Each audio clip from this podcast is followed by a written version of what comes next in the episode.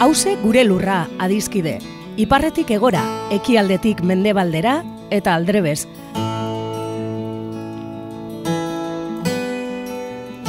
Lurra bakarra dugu edo gaituen lur bakarra da hause. Eta zaintzat dan hori dagokigunez, hemen horretaz egingo dugu berba.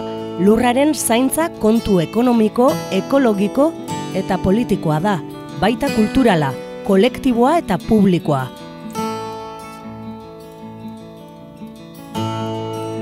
Ekopol taldeko Iñaki Bartenak eta Josu Larrinagak hause gure lurraren zaintzak dituen ataka eta kontu importantei buruz hitz egingo digute. Lurrosoaren erasoak ezin garaitu zezakeen hiri bat ikusi nuen ametxetan. Kaixo lagun entzuleok, berriro ere hause gure lurra. Irratzaio ekologiko eta ekologistan, eta betiko moduan, gurekin Josu Larrinaga, ekopoleko kidea, eta kasetari, soziologo eta antropologian irakaslea Euskal Herriko Unibertsitatean. Kaixo Josu, gaurre ze gaia ekarri diguzu irratzaio honetara. Bueno, ba, gaurre Lora Sancharen aldeko mesua ekartzen dut. E, orain dela gutxi e, Nafarroko HT gelditu elkarlanak antolaturiko itxaldi baten e, titulua eman zidan e, atentzioa, ez da? E, e, ekologismoa e, klase borrukari gabe e, lora zaintza da, ez da? Eta bai, onartu behar da, nire ustez, e, urrengo urteotan eta markadatan, eta bat garren mende honetan, e, klase borroka e, importante izango dela, esanguratsua eta zentrala izango dela, e, baliabideen e, e, erabilera, baliabideen e, zera gestioa e, debate horretan e, egongo delako, ezta, baina duda, duda daukat e, klase kategoria horiek e, emeretxigarren mendeko klase berdinak izango diren, edo beste klase mota batzuetara joango garen, baina dena den ez dute asko sartu nahi.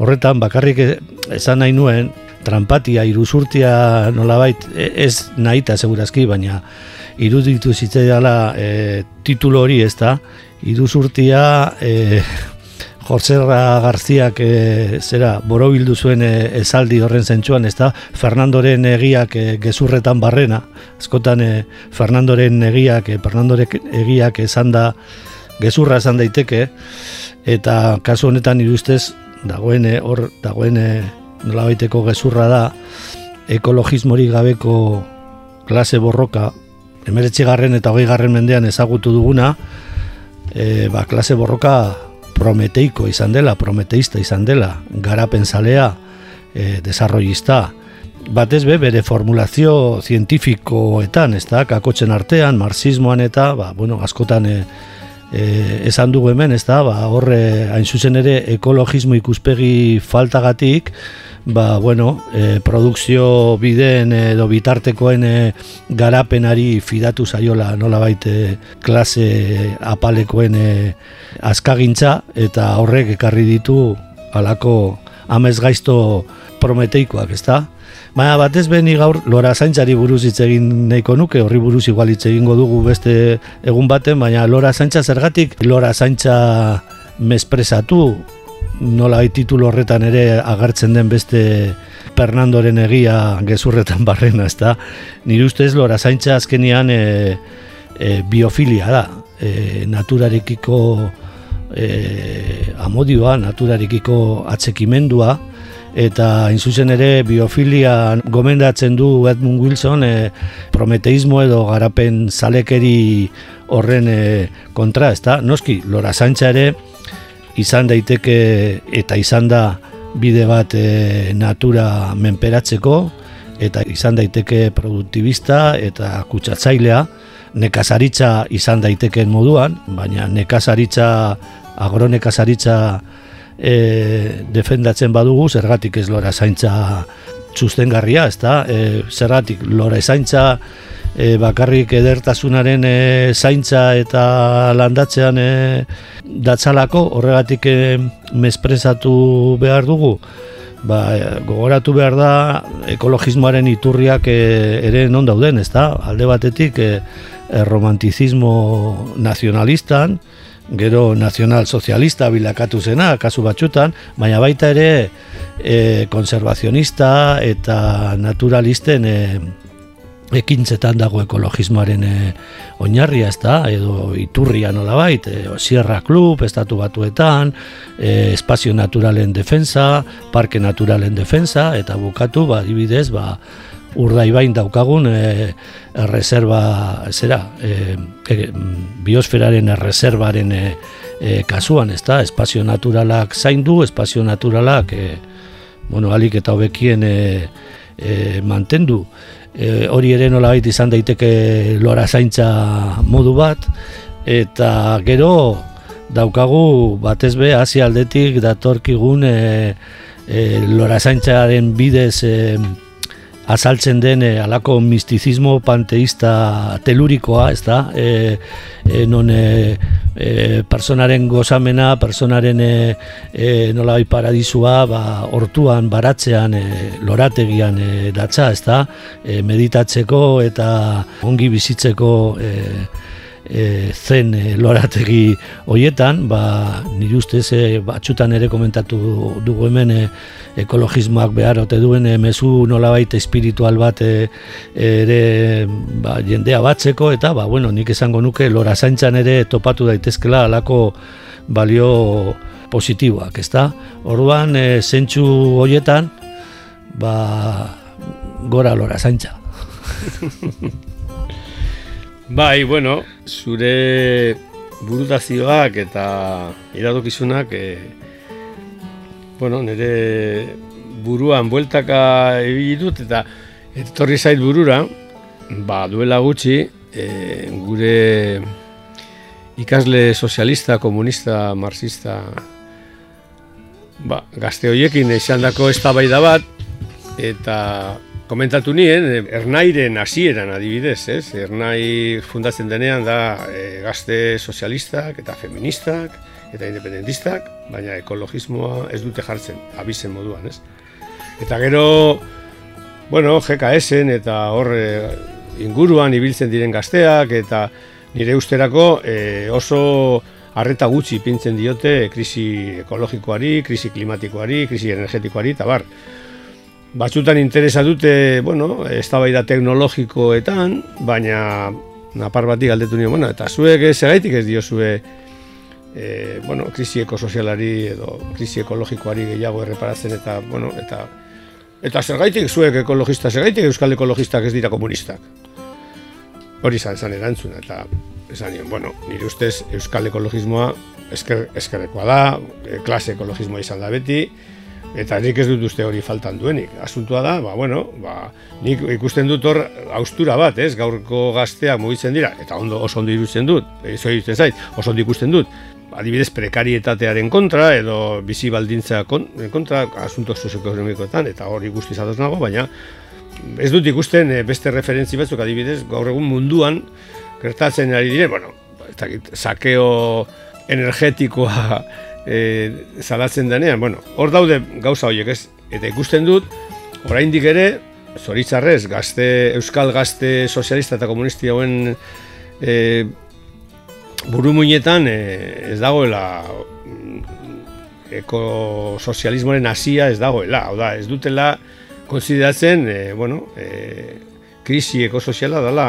lehenengo, lehenengo mailako kontraesan bat, e, gainditu behar duguna, ez? Hori, iruditzen zait, eta zoritzarrez esan behar dut, ba, bueno, ikasi, oza, asko, asko irakurtzen dutela Mars, asko irakurtzen dutela Lenin, asko irakurtzen dutela Kropotkin, oso ondo, baina agian Manuel Sakristan, eta Jorge Reisman, eta beste ekosozialista, Michael Lowy, eta bar, edo Silvia Federici, ikasi, irakurri beharko luketela, ba, ikusteko, ba, bueno, ba, arrazoia duzu. E, ekologismoa e, klase borrokari gabe, edo justiz, nik esango nuke justizia klimatiko hori gabe, eta justizia sozialari gabe, e, hori, lorra zaintza badala, zentzu txarra. Nik lorra zaintza ikusten dut, zuk ikusten duzun bezala, kauza positibo bat.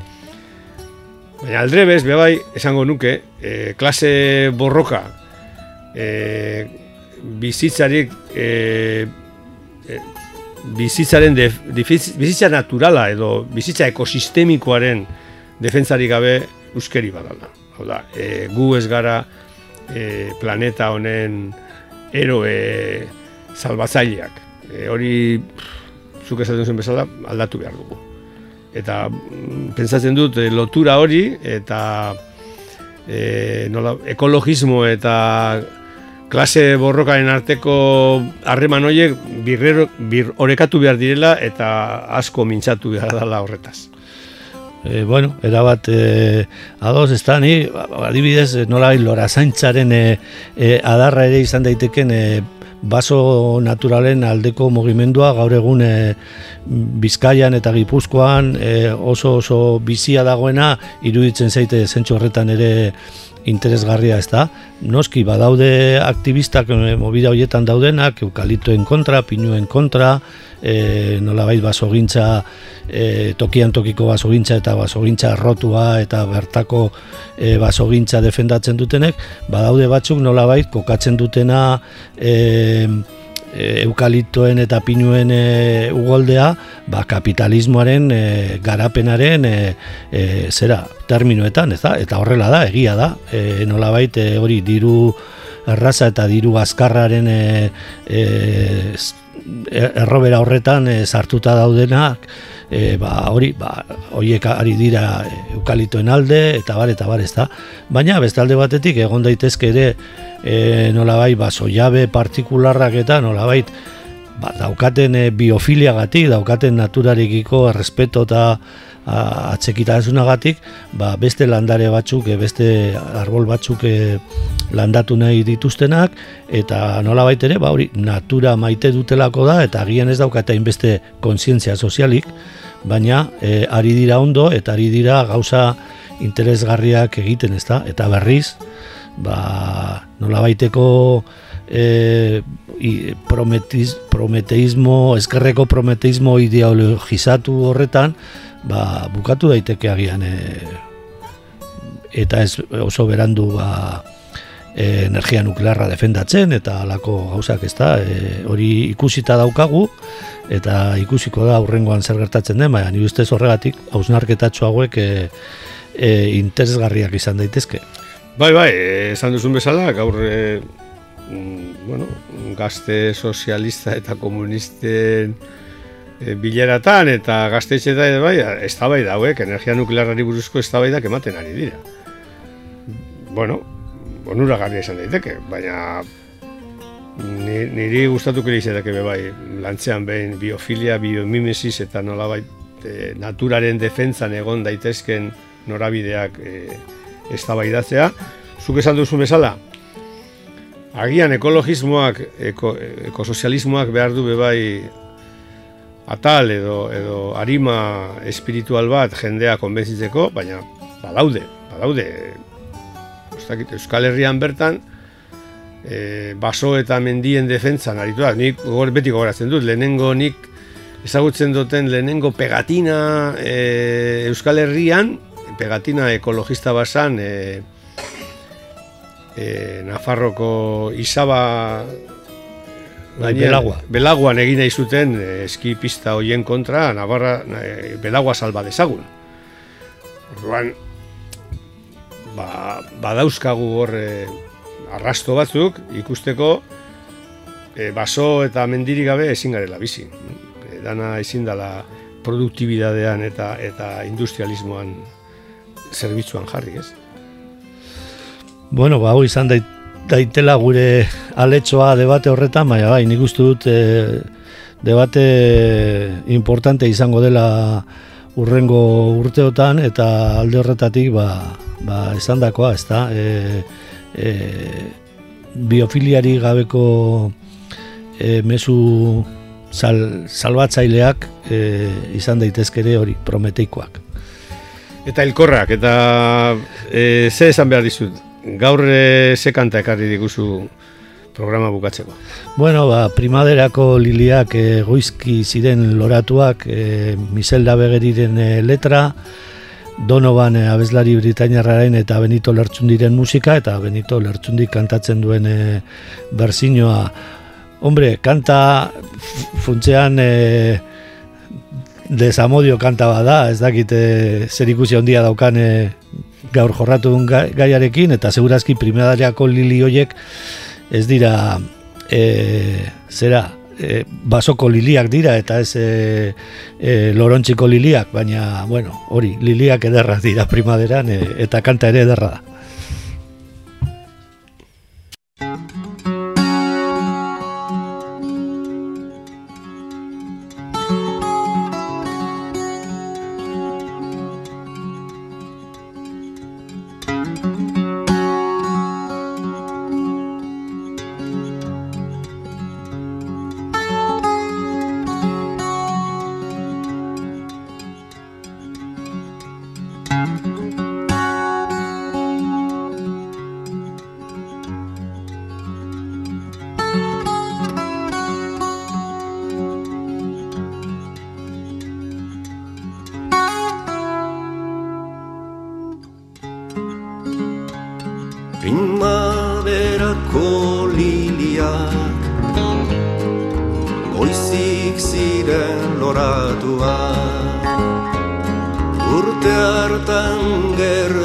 sartu zen.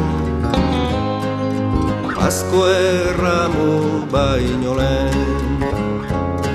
Gaitu uste gezkontarazi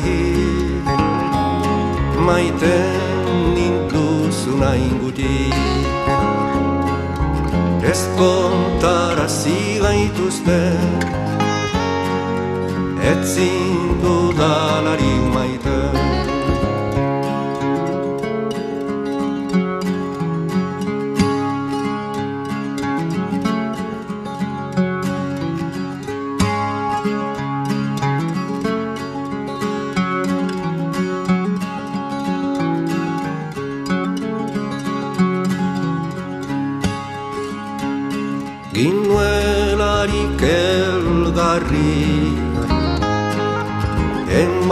Biziko guztarri Ezkilak zeuden nisilik Nik ez baitakit zergatik Gaituzte ezkontarazi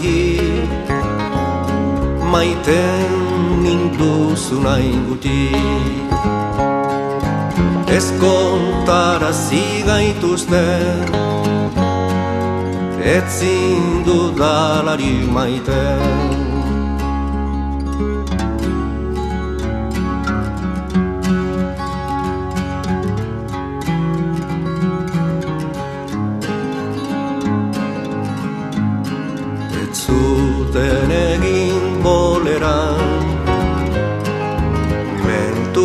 ziren erruman ziren gure lekuko. Ez izanen bataioko Gaituzte ezkontarazi Maiten nintuzuna inguti Ezkontarazi gaituzte Etzin dudalari maiten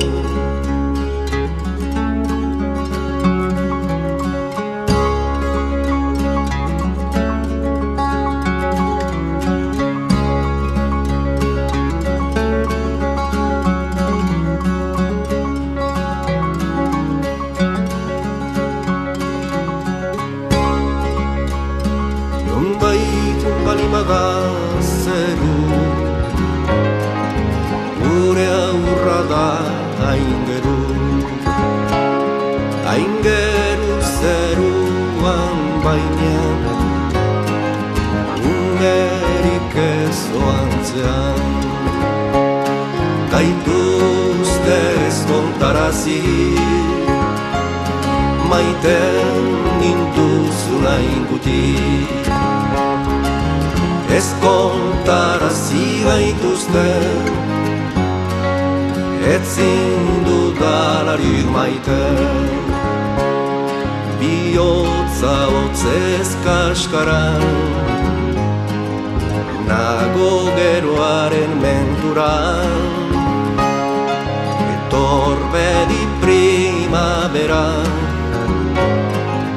Kanpoak diten berriz loran Gaituzte ezkontarazi Elgarrekin behar bizi Ezkontarazi gaituzte Behar dugu elgar maite Gaituzte ezkontarazi Elgarrekin behar bizi Ez kontarazi gaituzte. Behar dugu elgar maite